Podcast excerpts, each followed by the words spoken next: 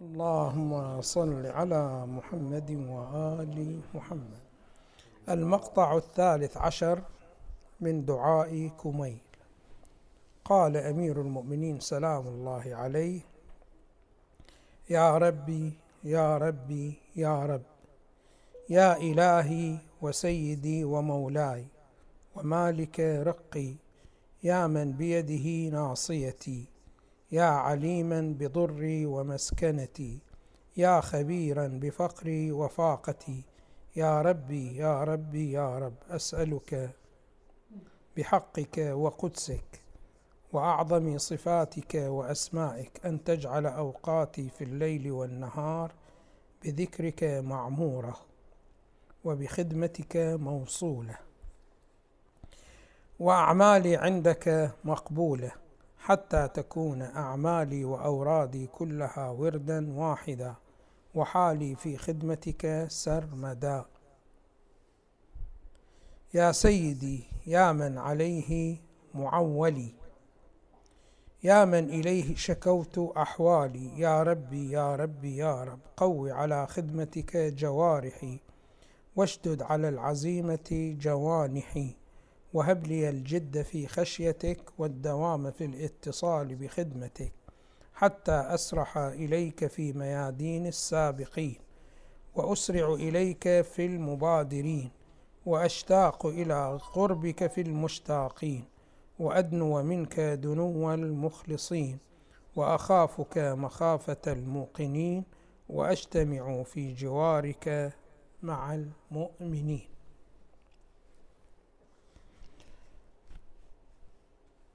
تلاحظون بأن الإمام سلام الله عليه كرر يا ربي يا ربي يا رب ثلاث مرات في ثلاث فقرات فهناك تركيز على مسألة الربوبية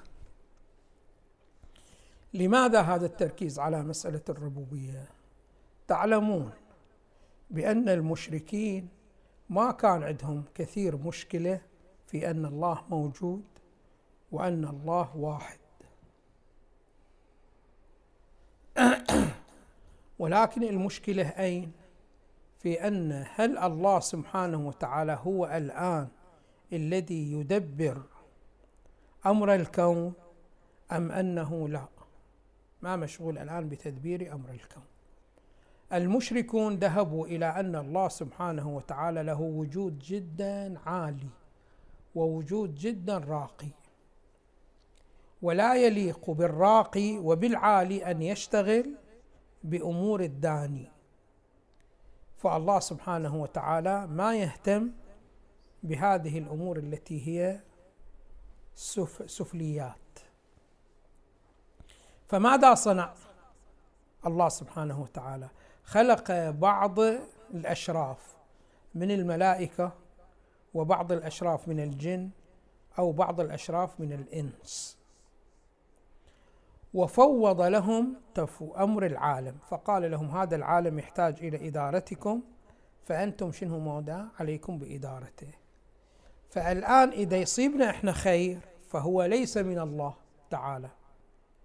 وإذا يصيبنا ضر فهو أيضا ليس من الله تعالى. وإنما ممن؟ من هؤلاء الذين جعلهم الله مفوضين لإدارة الكون. فلذلك رسالة الأنبياء كلها جاءت على هذا الأمر. تلاحظ أنت ما عندنا إحنا مثلا دليل في القرآن على وجود الله سبحانه وتعالى. واضح. لماذا؟ لأن الله سبحانه وتعالى ما ينكرون هؤلاء. يقولون الله موجود.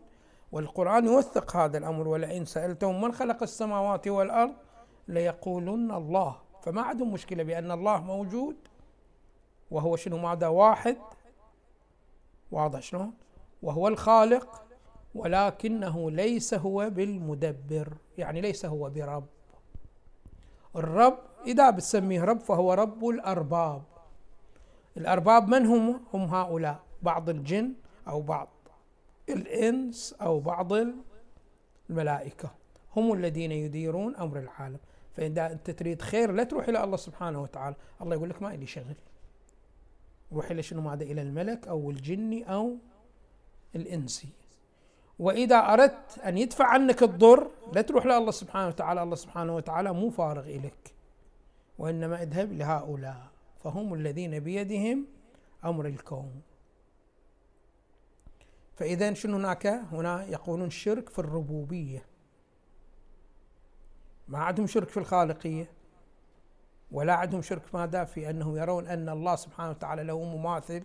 لا وإنما شنو ماذا؟ الله سبحانه وتعالى هو خالق الجميع ولكنه لا يشتغل بتدبير هذه الأمور. فلذلك هي المشكلة. فهنا الإمام سلام الله عليه يريد يذكر نفسه بأنك أنت ربي. يعني شنو معنى أنت ربي؟ ربي يعني مو أنت خالقي. واضح شلون؟ وإنما ربي يعني مدبر أمري تدير أمري. مثل شنو معنى مثل رب الأسرة. رب الأسرة هو الذي يشرف على احتياجاتها ويدفع عنها شنو معنى الضرر وإلى آخره. كذلك الله سبحانه وتعالى عندما نقول رب باعتبار أنه هو الذي يرعى عباده يؤدي إليهم حاجاتهم ويدفع عنهم مضارهم ويوصلهم إلى كمالهم. فهذه هي شنو مادة المشكلة. فلذلك الإمام سلام الله عليه يؤكد على مسألة شنو؟ مادة الربوبية. فإذا أنت ربي فأي شيء أحتاجه أتوجه إليك. وأي ضر أشتكي منه أيضا أتوجه إليك فأنت شنو؟ مادة الدافع. وأنت إذا رب فيستحيل أن يصل إلى الإنسان ضر إلا منك أنت. واضح شنو؟ وما يمكن أن يوصل إذا أنت ما تأذن فيه. كذلك أي شخص من الأشخاص يصله خير من الخيرات لا بد أن يكون شنو ماذا بيد الله سبحانه وتعالى. هذه شنو ماذا النقطة. النقطة الثانية الإمام سلام الله عليه يقول وأعمالي عندك مقبولة. عندنا هنا مسألتان. مسألة التوفيق للعمل ومسألة التوفيق لقبول العمل. فإحنا ما عندنا أنه كل إنسان عمل العمل فإنه يقبل منه. لا. هذا ما في قاعدة هكذا. كثير من الناس يؤدون العمل بحيث هذا العمل يسقط القضاء. أقول لك بعد ما يجب عليك القضاء. ولكن الله سبحانه وتعالى يقبل أو ما يقبل هذه مسألة ثانية. فلا تظن أنه أنت إذا أتيت بالعمل فقد قبل. لا. لذلك عندنا في الروايات يقول لا تهتم بأنك تأتي بالعمل كيفما كان وإنما اهتم شنو ماذا؟ بالقبول. وعندنا بعض الروايات تشير إلى أن الله سبحانه وتعالى يوم القيامة يحشر الناس فيأتي العبد فيقول أنا صليت صلاة كاملة ولكن اللي مسجل إلي كم؟ ربع صلاة أو عشر صلاة. أو واحد على مئة من الصلاة مع أنه أنا صليت صلاة كاملة. فيقول له شنو ماذا يقول له الله سبحانه وتعالى الملائكة تقول له بأنه أنت صليت صحيح صليت فعلت الصلاة. ولكن فعل الصلاة شيء والقبول شيء آخر. واضح شنو؟ فلذلك للأسف الشديد تشوف البعض يعتني بطول الصلاة أو بقصر الصلاة.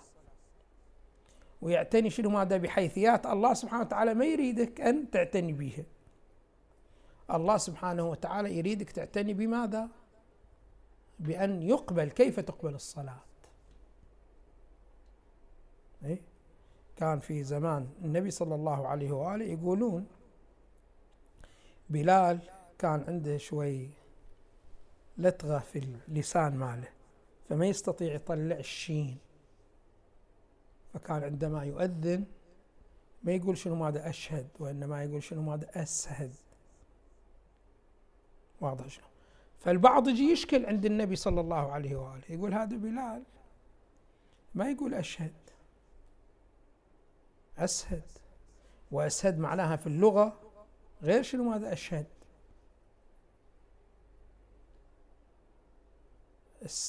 أسهد من السهاد. والسهاد هو عبارة عن شنو؟ ماذا؟ عن الهدوء وإلى آخره. الشكل بهي الصورة. أشهد غير معناها.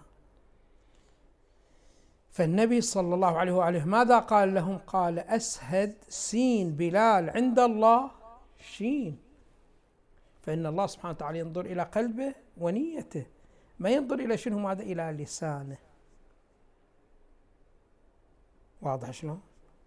فهذا بعد شنو؟ ماذا؟ فيه فاتحة لعلم التجويد. هذا العلم الذي يشغل الإنسان عن التوجه إلى المعنى النبي صلى الله عليه وآله ما يعترف به. يقول لك اللفظ إنما يراد لأجل شنو ماذا؟ لأجل أن القلب يحضر. فإذا حضر القلب على المعنى المراد انتهى الأمر. شو تسوي؟ شنو باللفظ فعلى أي حال فعلى الإنسان دائما وأبدا أن يدرس كيف تكون الصلاة مقبولة. وأنت مقبول مطلوب من عندك العمل إنما لأجل أن تأتي بالصلاة المقبولة. والعمل هو مقدمة للصلاة المقبولة. أما أنه أنت تختزل المطلوب من عندك كله في هذا العمل الذي هو مقدمة فهذا أمر ليس بصحيح وهذا شنو؟ هذا انحراف. الإمام سلام الله عليه يقول وأعمالي عندك مقبولة. حتى تكون أعمالي وأورادي كلها وردا واحدا. شلون تصير شنو ماذا وردا واحدا يقولون باعتبار الغاية. الغاية يجب أن تكون في كل عمل من الأعمال تعمله هو شنو؟ هذا عنصر التوحيد. واضح شلون؟ فالتوحيد هو شيء واحد منبث في كل العبادات. فإذا ارتقت العبادات تتوحد. تحت مقصد واحد وتحت غاية واحدة وهي ماذا؟ وهي التوحيد. فالتوحيد هو الذي شنو ماذا؟ هو البوصلة. فأي عمل ما ينمي عنصر التوحيد فيك فهذا العمل غير مقبول وغير مراد من الأساس. وإذا عملت هكذا العمل فلا تسجل نفسك مع العاملين إذا ما أخذك شنو ماذا؟ إلى التوحيد. من هنا يجب التأكيد جدا جدا على علم العقائد. واضح شلون؟ لماذا؟ لأنه علم العقائد هو المرشد للعمل إلى الغاية المقصودة المترتبة عليه واضح شلون؟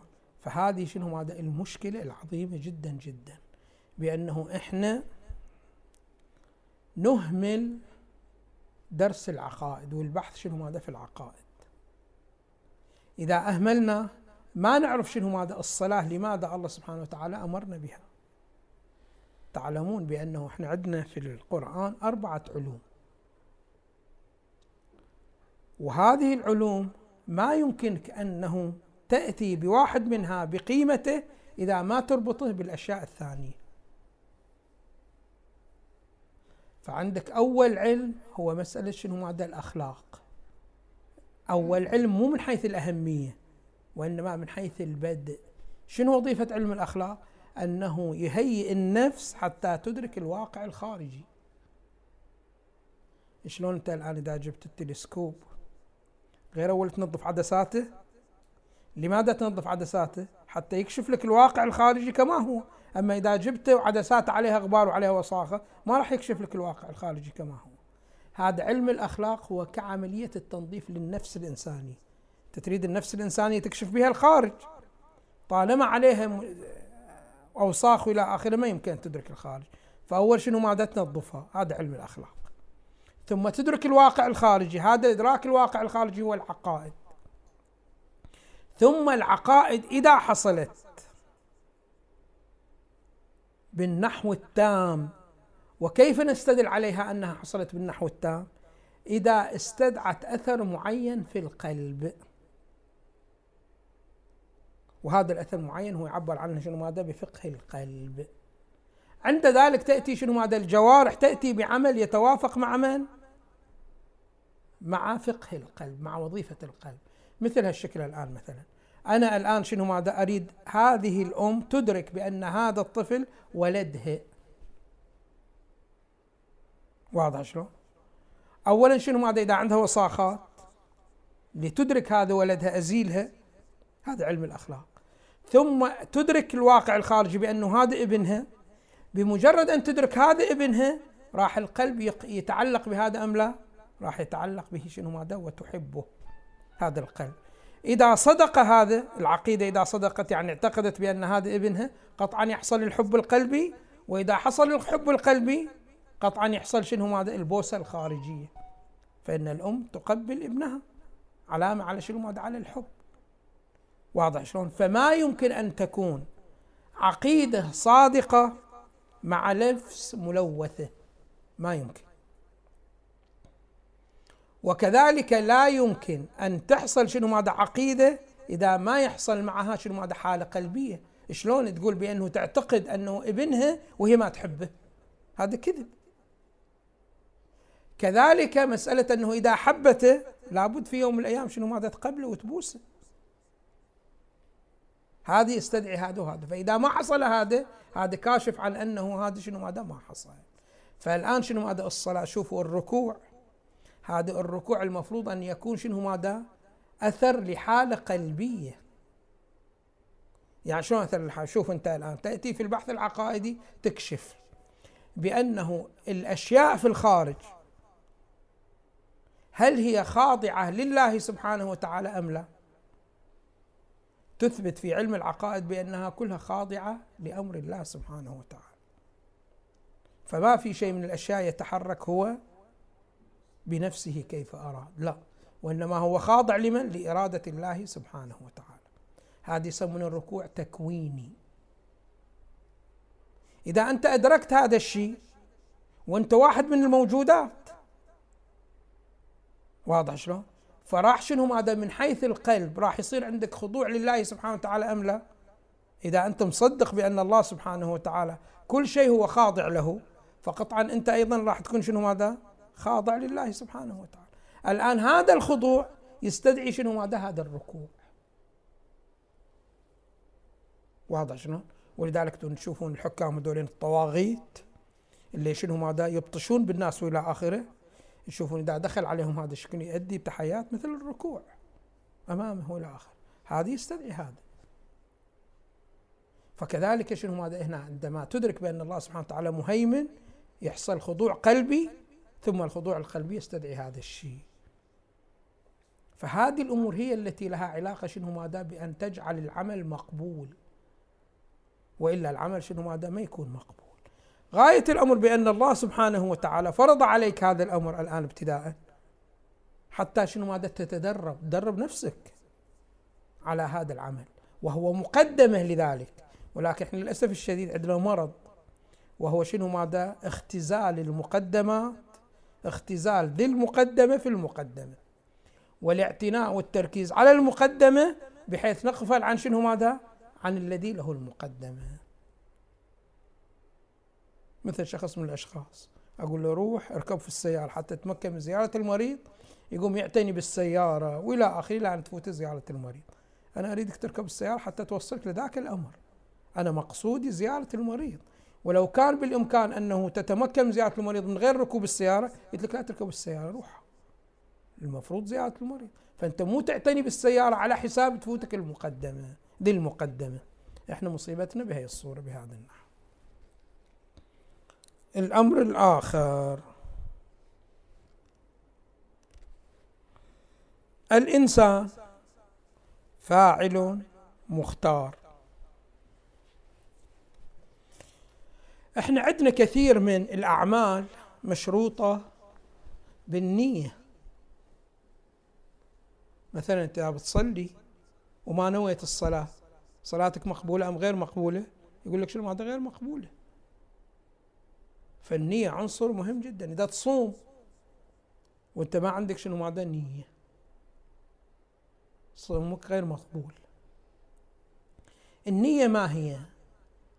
الكثير يظن بأن النية بأنه أنت تأتي للصلاة وتقول شنو ماذا أصلي صلاة المغرب قربة لله تعالى. يقولون هذه نية النية حتى تكون نية لابد أن تعلم بفائدة الصلاة. وتشتاق للصلاة ثم تقصد الإتيان بالصلاة. فأنت إذا جئت إلى الصلاة بدون اشتياق واضح شلون؟ فأنت ما نويت. ولذلك تشوفون هي مسألة عدم الإخلاص في النية ناشئ من ماذا؟ ناشئ من عدم تصور الفائدة المترتبة على الصلاة وأنها الفائدة ممن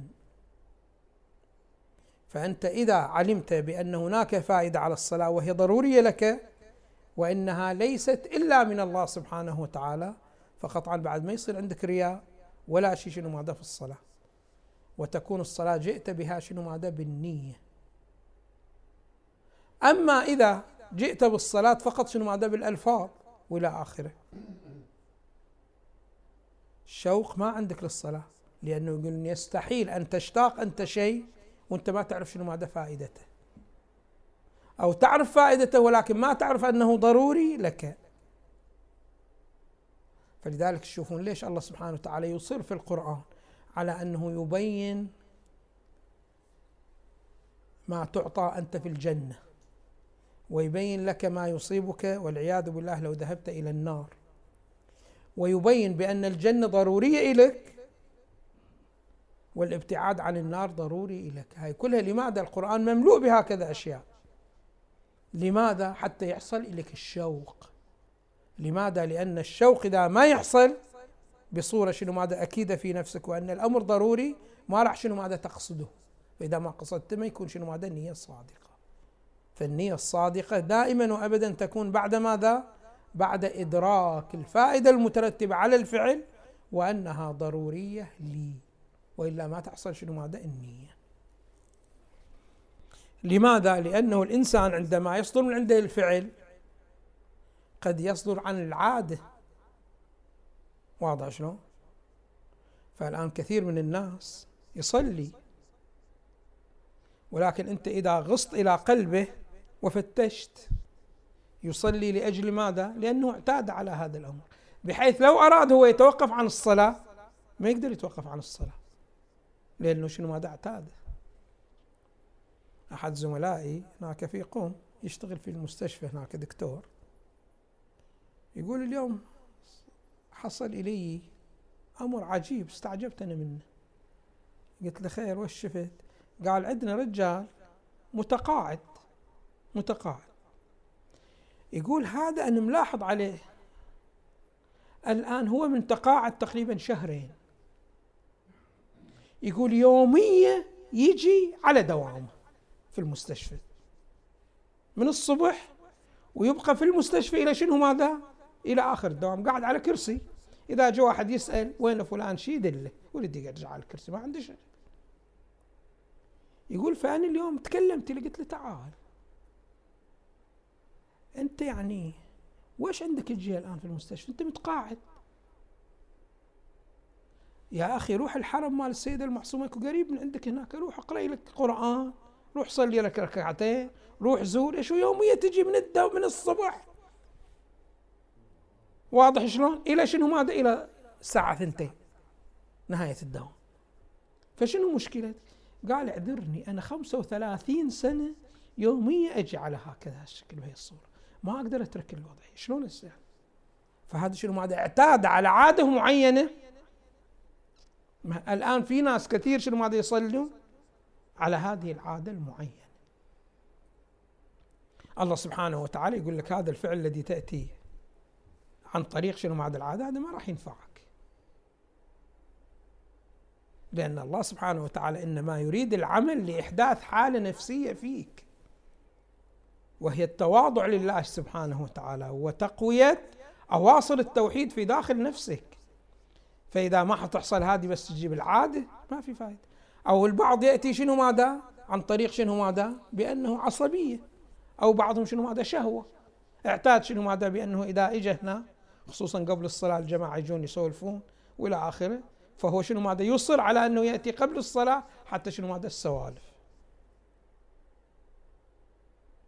واضح شنو؟ فهذا على أي حال شنو ماذا؟ ما يستفيد شنو ماذا من هكذا صلاة. الصلاة لابد أن تحدث من تصور الفائدة والاشتياق إلى الفائدة. بهذه الصورة وبهذا النحو. فعلينا أن شنو ماذا نتنبه ونلتفت إلى شنو ماذا إلى أعمالنا التي شنو ماذا نأتي بها. لا نفاجأ يوم القيامة بهذه المسائل. وتعلمون بأنه هذه إذا الواحد ما يطلع على الموضوعات المرتبطة لأن هذه كل شيء إليها شنو ماذا علم خاص.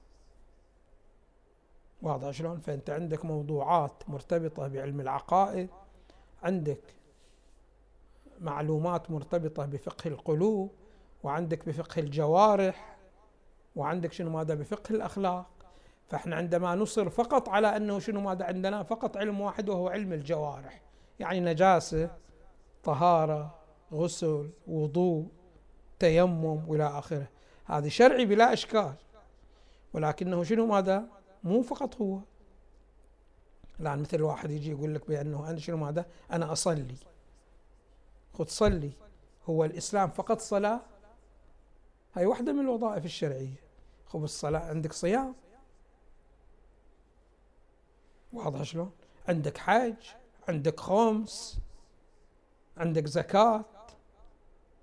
وعندك وعندك شنو؟ ماذا ما شاء الله من الوظائف الشرعية. فأنت إذا امتثلت وظيفة شرعية خلاص؟ خرجت من عهدة المطالبة؟ أم عن أم أنه عليك أن تلتفت إلى هذه الوظائف الشرعية الأخرى؟ هذا الذي يعمل ويصنع هكذا يقولون هذا من الذين يؤمنون ببعض الكتاب ويكفرون ببعض. يعني البعض يقول لك لا تجيب لي شنو ماذا تكاليف مادية. صلاة أصلي. أصوم شنو ماذا أصوم. ولكن لا تجيب لي شنو ماذا تكاليف مادية. لا يا حبيبي هاي تكليف وهي تكليف ما في فرق. وهذا ما يقبل إلا إذا شنو ماذا إذا أنت قبلت الدين مو السم اللي يعجبك. هو شنو قضية إبليس؟ إبليس هي مشكلته. الله سبحانه وتعالى قال لأسجد لآدم قال اعفني عن هذه وراح أعبدك عباده ما عبدك لا الأولون ولا الآخرون. قال أنا ما أريد العبادة ذيك أنا أريد هذه السجدة. لماذا؟ لأنه هذا الذي تعبد أنت من خلال ما يعجبك في الواقع أنت ما عبدت الله سبحانه وتعالى. وإنما عبدت شنو؟ ماذا؟ نفسك ومشتهى نفسك. أنت لو عبدت الله سبحانه وتعالى أي شيء يقول لك به الله سبحانه وتعالى راح تطيعه في ذلك. ولكن عندما تطيع في البعض وتكفر في البعض بالبعض الآخر إنما أنت تعبد شنو؟ ماذا؟ نفسك. فإحنا نحتاج إلى أنه نلتفت إلى ضوابط عبادة النفس وضوابط عبادة الله سبحانه وتعالى. فانت دائما وابدا إذا شفت نفسك في بعض التكاليف متمدد وفي بعض التكاليف منكمش أو الله سبحانه وتعالى يأمرك بالتمدد في بعض الوظائف أنت تنكمش. والله سبحانه وتعالى يأمرك بالانكشاش في بعض الوظائف أنت شنو ماذا تتمدد؟ واضح شلون؟ مثل الآن الله سبحانه وتعالى طلب من عندك الحج في عمرك كم مرة؟ مرة واحدة بس وهم شرط تكون مستطيع. ولكن طلب من عندك الصيام كم مرة؟ كل سنة تصوم شهر رمضان.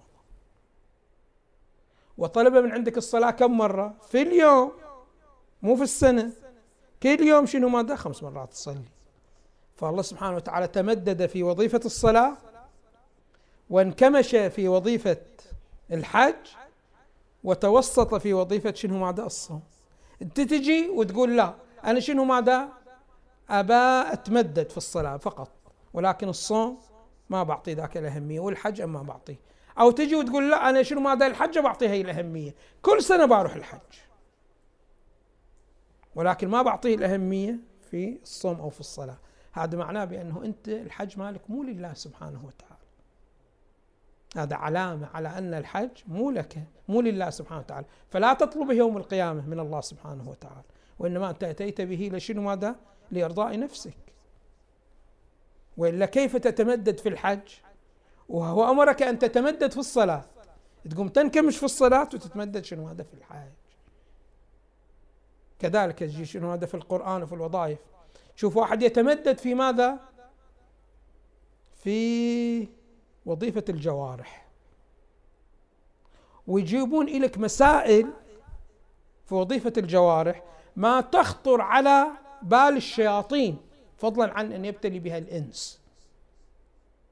يقوم شنو هذا الشكل به الصورة؟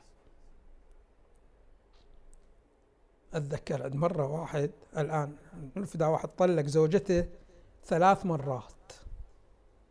يقولون بعد ما يقدر يرجع إليها إلا بعد أن تنكح واحد أجنبي. واضح. عشان تتزوج؟ ذاك يطلقها بعدين إله ياخذها شكلي. عندهم بعد مسألة ثانية.